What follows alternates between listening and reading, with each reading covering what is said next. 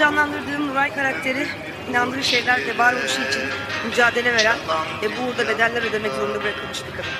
Ah yalan. Yalan.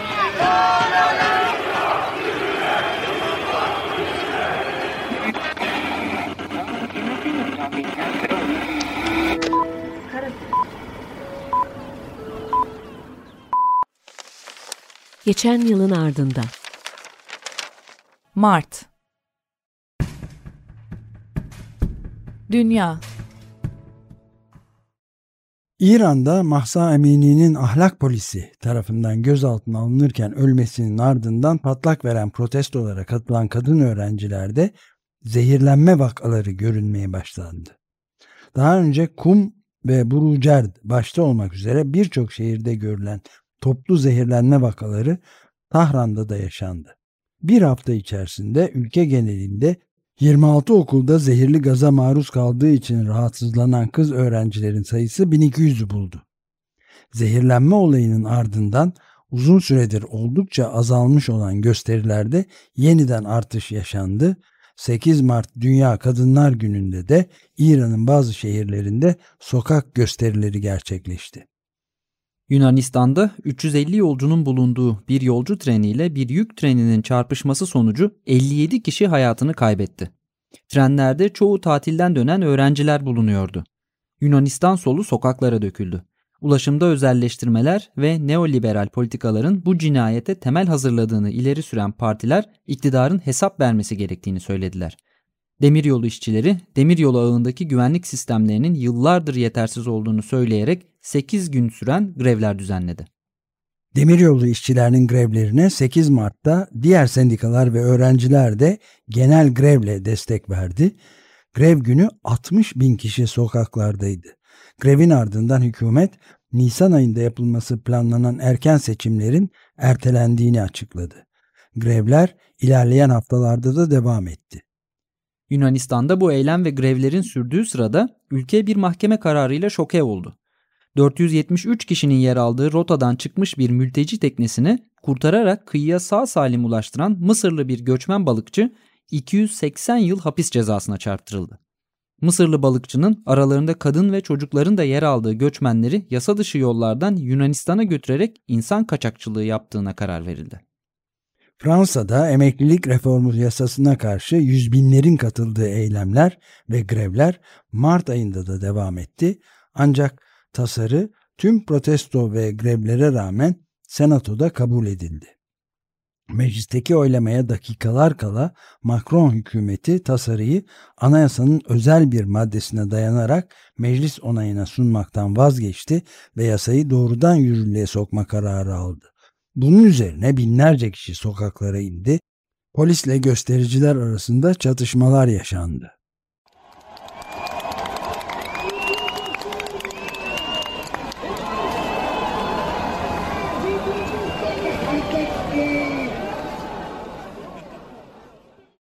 Meclis oylamasını atlayarak yasayı yürürlüğe koyması üzerine muhalefet Macron hükümetini mecliste güven oylamasına tabi tuttu. Macron sadece 9 oy farkla güven oyu almayı başardı. İngiltere'de geçen yıl farklı sektörlerde başlayan grev dalgası enflasyonun üzerinde maaş zammı ve çalışma koşullarının iyileştirilmesi konusunda anlaşmaya varılamaması nedeniyle devam etti. Mart ayı ortasında yüz binlerce öğretmen, akademisyen, memur, doktor ve metro çalışanı greve gitti.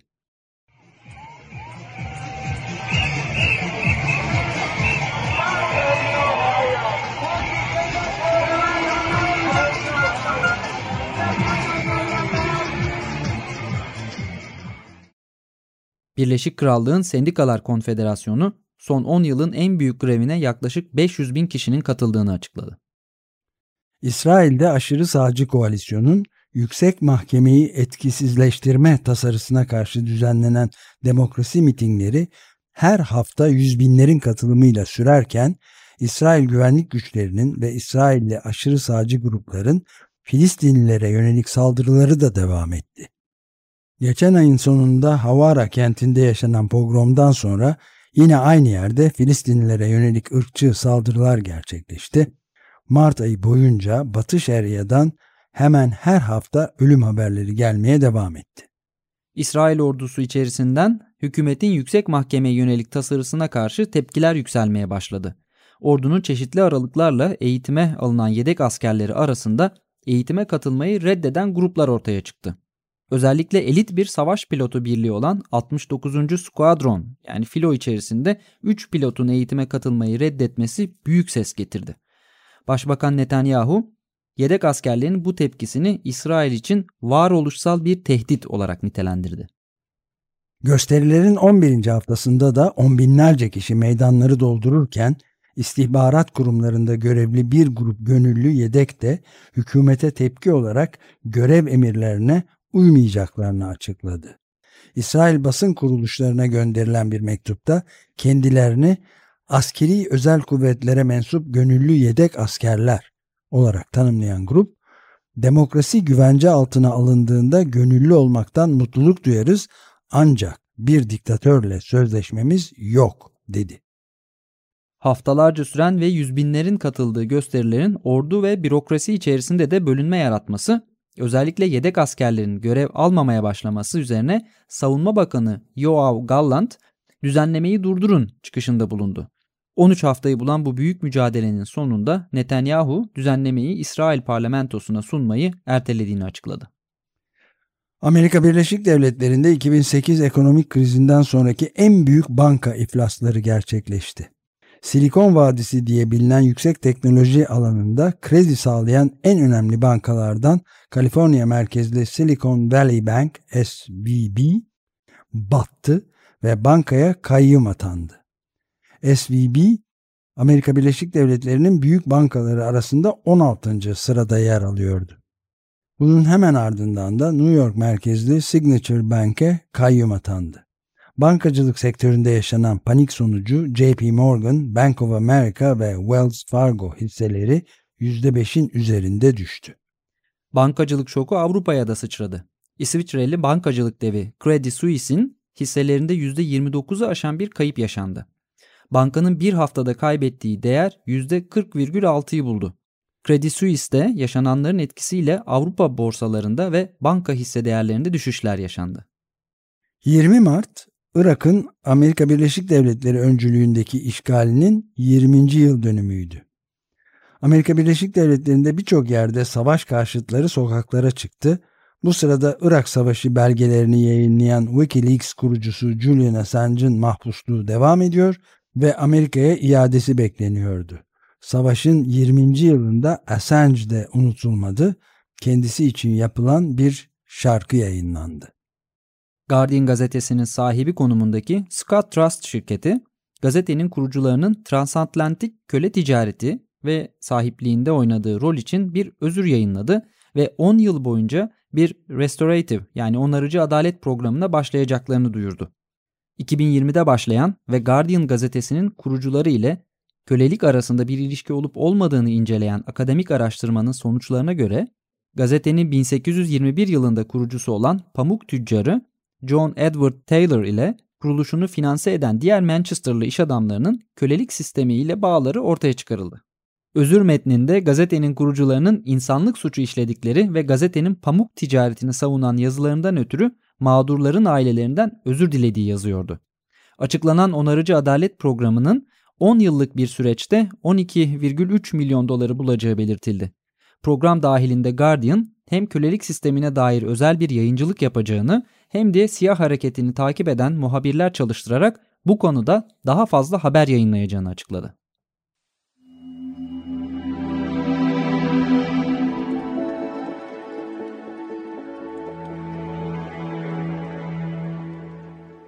Ukrayna Savaşı Uluslararası Ceza Mahkemesi Rusya Devlet Başkanı Vladimir Putin hakkında savaş suçları işlediği iddiasıyla tutuklama kararı çıkardı.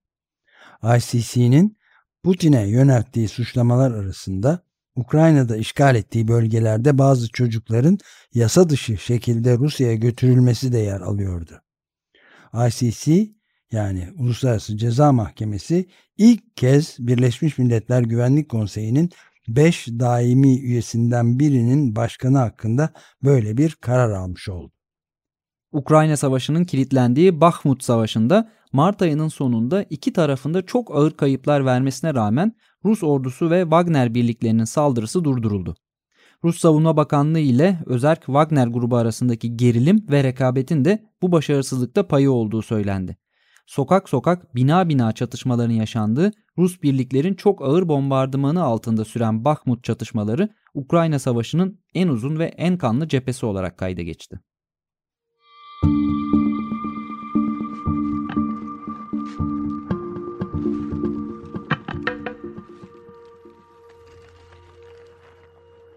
Türkiye Depremin ilk günlerinde yaşanan büyük bir skandal ortaya çıktı.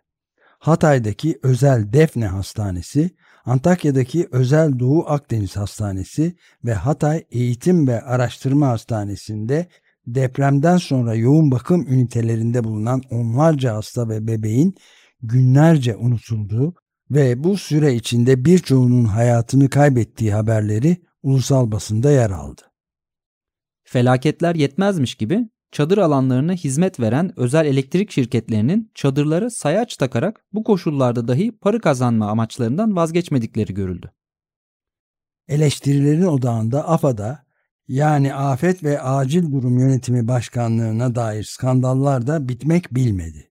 AFAD'ın 16 kişilik yatağı, duşu ve tuvaleti olan tırlarını İstanbul'da Hasdal yerleşkesinde tuttuğu ve uzun süre deprem bölgesine göndermediği ortaya çıktı.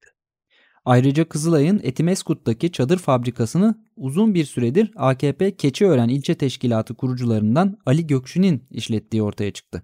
AKP'li Gökşin, Kızılay'ın fabrikasını kiralayarak ürettiği çadırları Kızılay'a satıyor, Kızılay'da satın aldığı çadırları AFAD'a ve başka derneklere, firmalara satıyordu.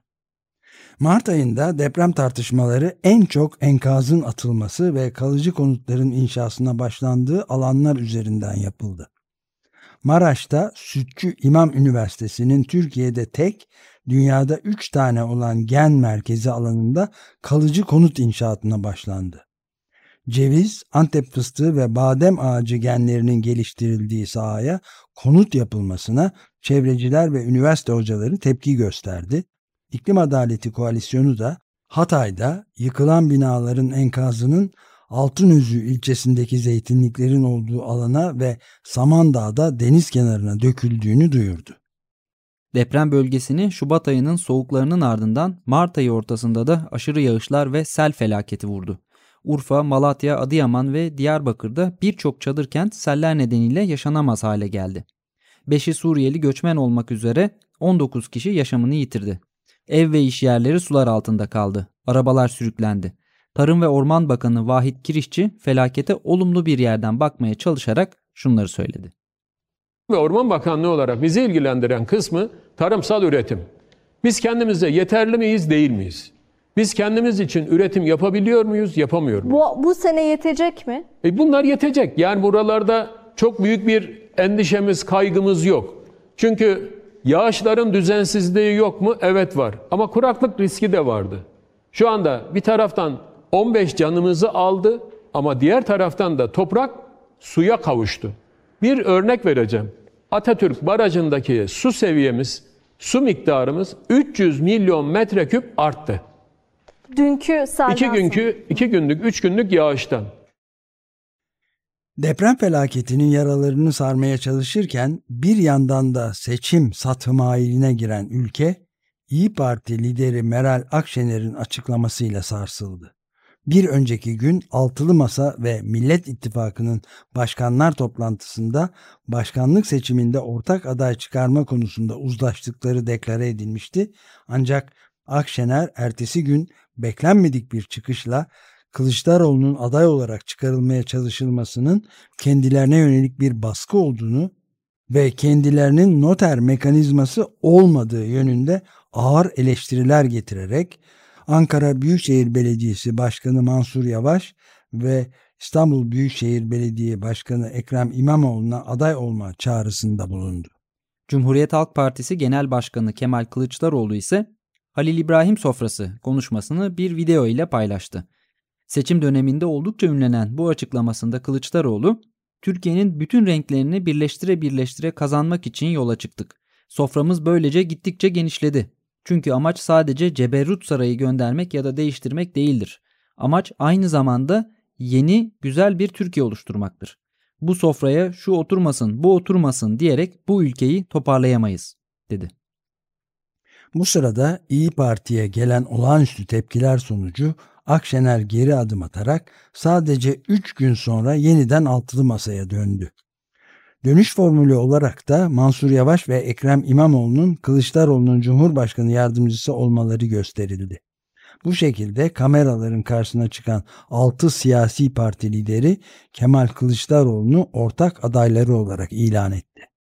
Türkiye deprem gündemi yerine Akşener'in çıkışını tartışırken yeni bir olağanüstü gündemle daha sarsıldı.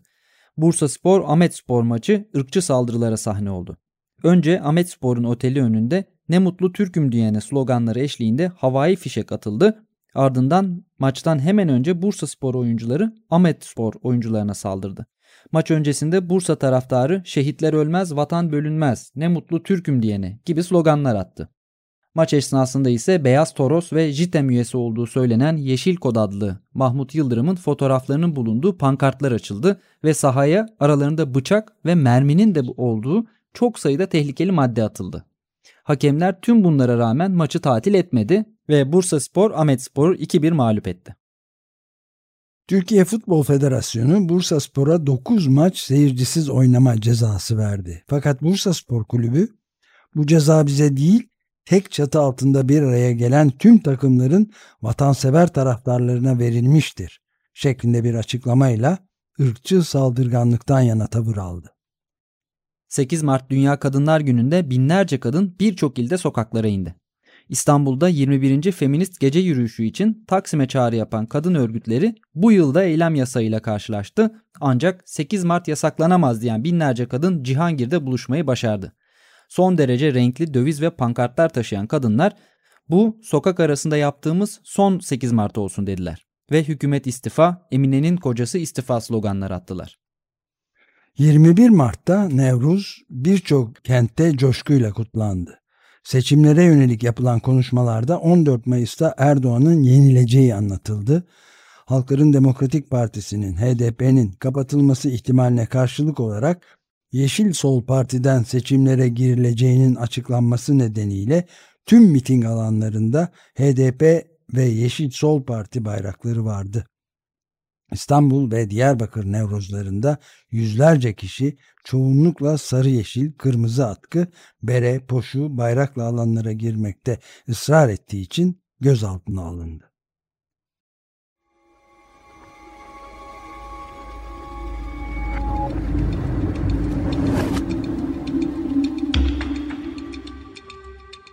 İklim ve çevre.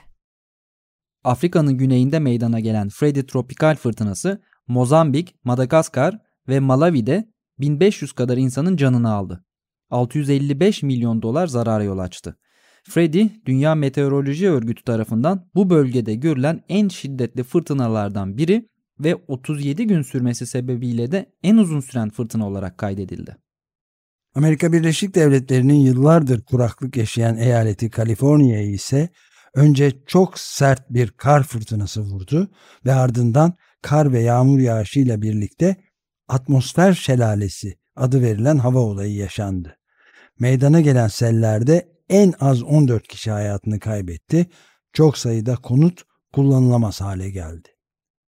Fırtınalar durmadı ve Mississippi eyaletinde meydana gelen hortumlar nedeniyle en az 23 kişi hayatını kaybetti. Çok sayıda insan yıkılmış binaların enkazı altında mahsur kaldı. Mart ayının sonlarında İspanya'da bu yılın ilk büyük orman yangını yaşandı. Sıcakların 30 dereceyi aştığı Valencia kentinde yaşanan orman yangınında binlerce hektar orman alanı kül olurken 1500 kişi bölgeden tahliye edildi. Kurak geçen kışın sonunda 30 dereceyi bulan sıcaklıklarla birlikte yaşanan orman yangını gelecek ayların da habercisiydi. Ardından da Asturias bölgesinde çıkan orman yangınları nedeniyle son 20 yılın en kötü Mart ayı yaşandı. 20 bin hektar alanı etkileyen yangınlar 3 hafta boyunca söndürülemedi. Greta Thunberg geçtiğimiz ay Almanya'da açık kömür sahasının genişletilmesi eylemlerinde gözaltına alınmasının ardından bu kez de Norveç'te Enerji Bakanlığı'nın önündeki oturma eyleminde gözaltına alındı. İskandinavya'nın ve tüm Avrupa'nın tek yerli halkı olan Sami halkına ait topraklarda 150 kadar rüzgar türbini yapılması projesine karşı gerçekleşen eylemlerde Thunberg, iklim eylemi bazı insanların yaşamı pahasına yapılan bir şey olamaz. O zaman bu iklim adaleti olmaz dedi.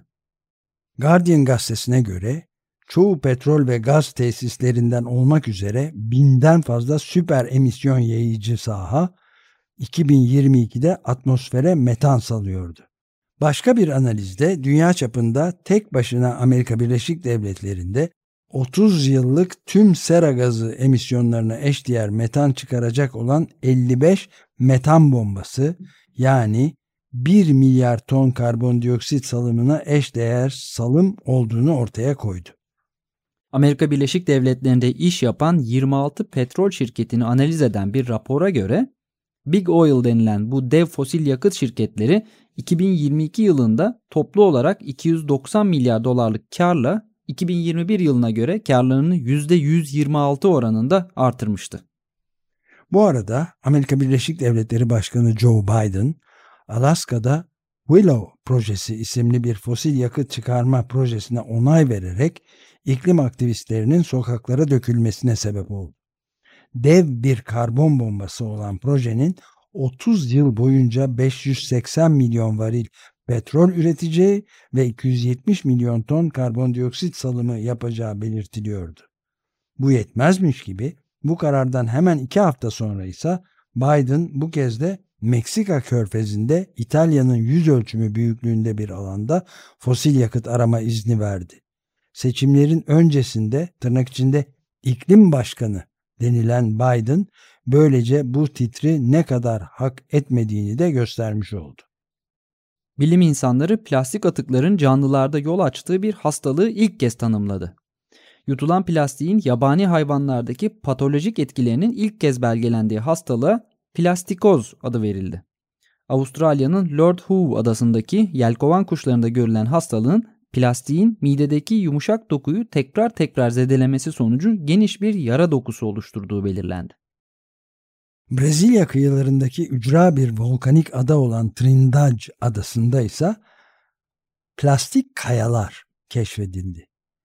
Keşif karşısında dehşete düşen araştırmacılar plastik kirliliğinin dünyanın jeolojik özelliklerine işlediğine işaret ediyordu.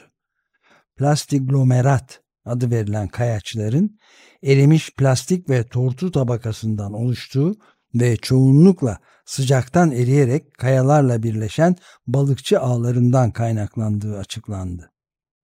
Bilim insanları fosfat kullanımında gezegenin sınırlarına gelmekte olduğumuz ve fosfogedona yani fosfat kıyametine doğru gitmekte olduğumuzu açıkladı. Bilim insanları fosfatın yanlış kullanımının gübre üretimini ve dolayısıyla gıda üretimini olumsuz etkilerken tarlalardan yağmurlarla nehirlere taşınan fosfatın bir de arıtılmadan boşaltılan kanalizasyon atıkları ile birleşmesi sonucu da nehir ve göllerde alg patlamasına ve kitlesel balık ölümlerine neden olduğunu açıkladı. Ayrıca alg patlamalarının daha çok metan salımı yoluyla küresel ısınmayı da hızlandırdığı belirtildi.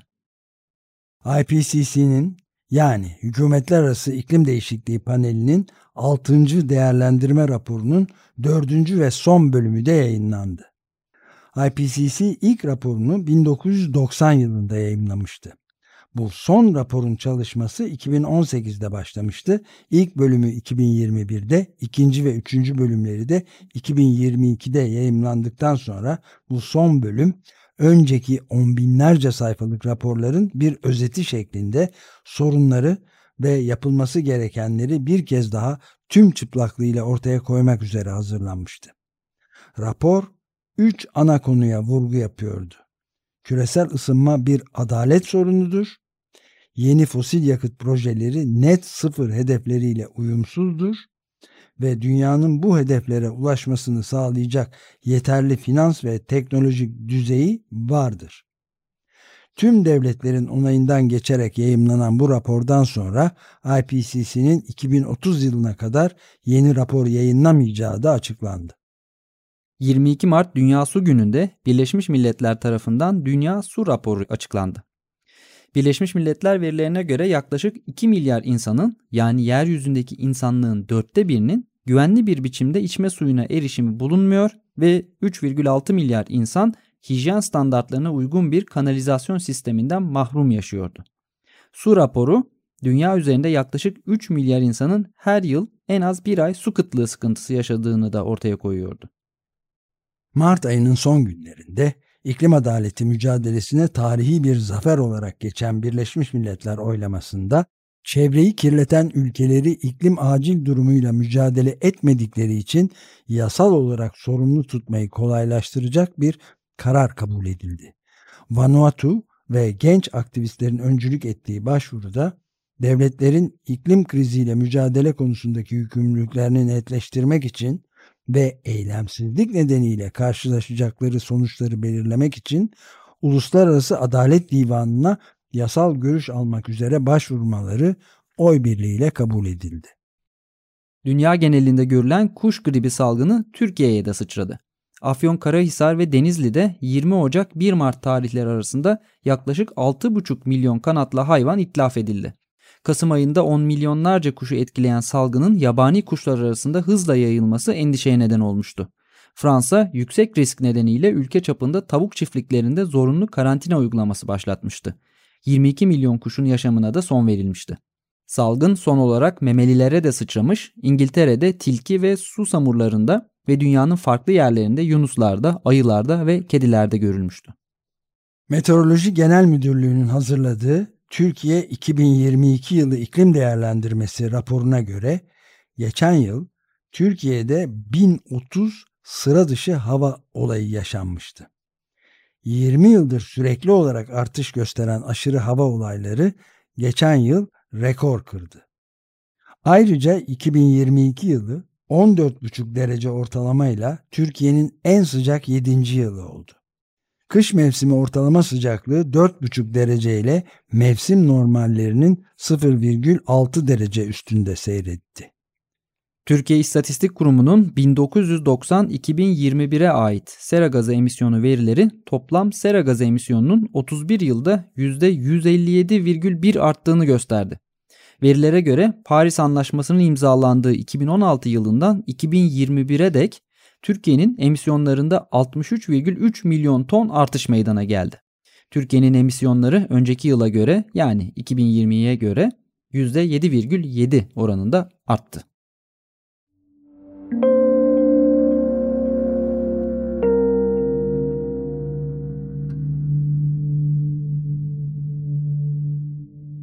Ayın Sözü Patriarkal kapitalizmin yol açtığı yıkım, bizlere doğal afet diye açıklanmaya çalışılıyor. Doğayı, kentleri rant uğruna mahvedenler, afetle müdahale biçimleriyle de insan hayatına zerre önem vermediklerini gösteriyor. 21. Feminist Gece Yürüyüşü için İstanbul'da buluşan kadınlar, hayatlarımız değil patriarka yıkılsın diye feminist isyandayız diyerek yaptıkları basın açıklamasında deprem felaketine bu sözlerle dikkat çektiler. Artı gerçek.